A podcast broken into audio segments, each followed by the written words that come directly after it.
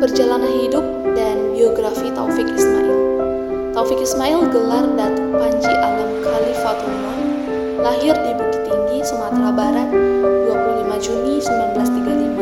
Umur 78 tahun.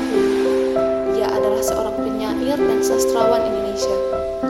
Taufik Ismail lahir dari pasangan Agafar Ismail 1911 sampai 1998 asal Banu Hampu, Agam dan Siti Nur Muhammad Nur 1914 sampai 1982 asal Pandai Singke, Tanah Datar, Sumatera Barat.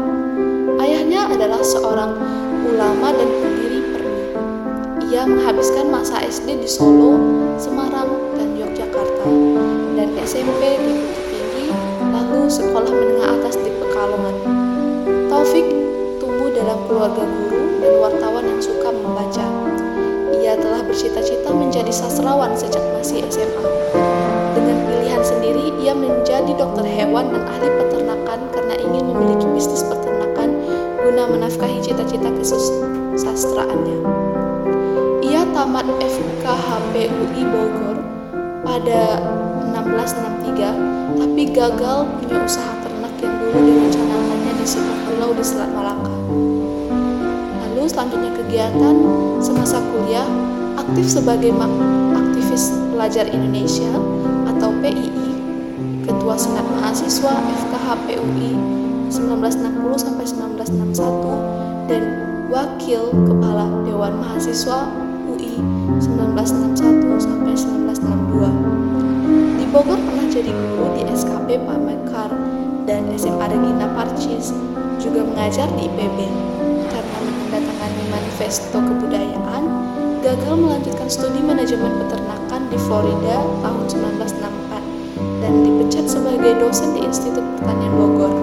Ia menulis di berbagai media, jadi wartawan salah seorang pendiri Horizon tahun 1966, ikut mendirikan DKJ dan jadi pimpinannya. PJ Direktur Tim, Rektor LPKJ dan juga manajer hubungan luar beasiswa IFS International Scholarship sejak 1958 dan aktif di AFS Indonesia. Menjabat sebagai Ketua Dewan Pembina Yayasan Bina Antar Budaya, lalu penyelenggara pertukaran pelajar antar bangsa yang selama 40 tahun. Sejak 1957 telah mengirim lebih dari 1.700 siswa ke 15 negara dan menerima 1.600 siswa asing di sini. Taufik terpilih menjadi anggota Board of Trustees AFSIS di New York tahun 1974 sampai 1976 dan kategoriannya sebagai penyair angkatan 66 oleh Hans Bagu Jason merisaukannya. Misalnya dia puas diri lantas proses penulisannya macet. Ia menulis buku kumpulan puisi seperti Malu Jadi Orang Indonesia Tirani dan Benteng. Tirani, Benteng Buku Tamu Musim Perjuangan Sajak Ladang Jagung Kenalkan Saya Hewan Puisi-puisi Langit Prahara Budaya Kilas Balik Ofensif Lek, Lekra PKI DKK Ketika Kata Ketika Warna Seulawah Antologi Sastra Aceh dan lain-lain. Banyak puisinya dinyanyikan di himpunan musik Bimbo. Pimpinan Samsudin Haja Kusuma atau sebaliknya ia menulis lirik buat mereka dalam kerjasama. Ia menulis lirik buat Krisye Yan Antono dan dinyanyikan oleh Ahmad Albar Ucok Harahap dan menurut kerjasama semacam ini penting agar jangkauan publish puisi lebih luas. Taufik Ismail sering membaca puisi di depan umum. Di luar negeri, ia telah membaca puisi di berbagai festival dan acara sastra di 24 kota Asia, Australia, Amerika, Eropa, dan Afrika sejak 1970. Baginya, puisi baru memperoleh tubuh yang lengkap jika setelah ditulis, dibaca di depan orang. Pada April 1993, ia membaca puisi tentang Syekh Yusuf dan Tuan Guru, para pejuang yang dibuang VOC ke Afrika Selatan tiga abad sebelumnya.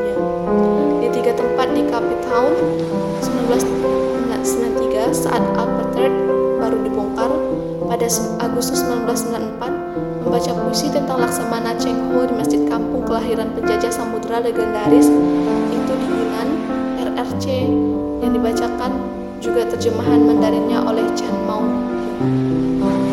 Bosan dengan kecenderungan puisi Indonesia yang terlalu serius, di awal 1970-an menggarap humor dalam puisinya. Sentuhan humor terasa terutama dalam puisi berkabar atau narasinya. Mungkin hal ini tiada teman baginya di Indonesia. Antologi puisinya berjudul Rendes Post diterbitkan di Rusia dalam terjemahan Viktor Pogadev dan dengan ilustrasi oleh Aris Aziz di Malaysia.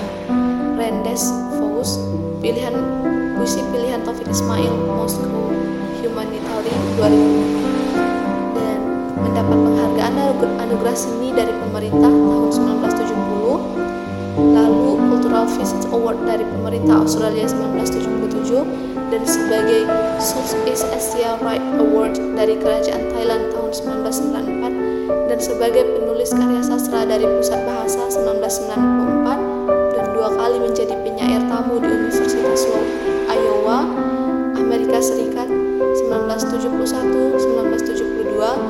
dan 1991-1992, lalu pengarang tamu di Dewan Bahasa dan